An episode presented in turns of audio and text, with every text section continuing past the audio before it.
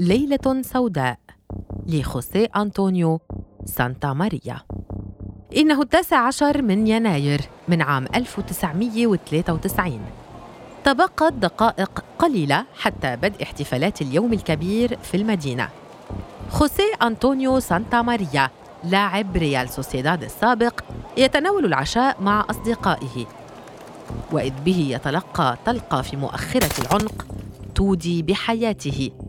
سانتا ماريا كان يبلغ 47 سنة ومتزوج وأب لثلاثة أولاد وهو اللاعب الوحيد الذي اغتيل على يد عصابة إرهابية. إنه لاعب كرة قدم بنى نفسه بنفسه ولعب لصالح ريال سوسيداد. كان سانتا ماريا معروف بالنمر أيضاً وهو وصل إلى العالمية مع المنتخب الإسباني. تميز بقوته وأسلوب لعبه كان قوياً جداً وكانت لياقته البدنية تتحمل الكثير وكان يتحلى بقوة كبيرة. ولقبه النمر كان لأن قوته الجسدية مثيرة للإعجاب. كان رياضيا بطبيعته وكان الجميع يحاولون التغلب عليه في شيء ما. وفي تلك الليلة السوداء كان خوسيه أنطونيو سانتاماريا يتناول العشاء ويحتفل عشية سان سيباستيان في مجتمع غاستيلوبي عندما أطلق عليه ثلاثة أعضاء من الإيتا النار.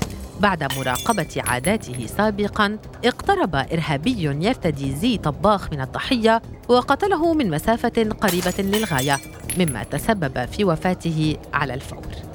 علم الإرهابي فالنتين لاسارتي أن سانتا ماريا يتناول كل عام العشاء في غاستيلوبي بمناسبة تامبورادا الذي بدأ احتفالات سان سيباستيان.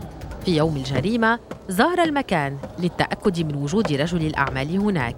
كما في مناسبات أخرى كانت الإيتا تنفذ منذ فترة حملة مضايقات باتهامات كاذبة ضد رجل الأعمال تتعلق بتهريب التبغ وتهريب المخدرات. بالإضافة إلى التعاون مع الحرس المدني.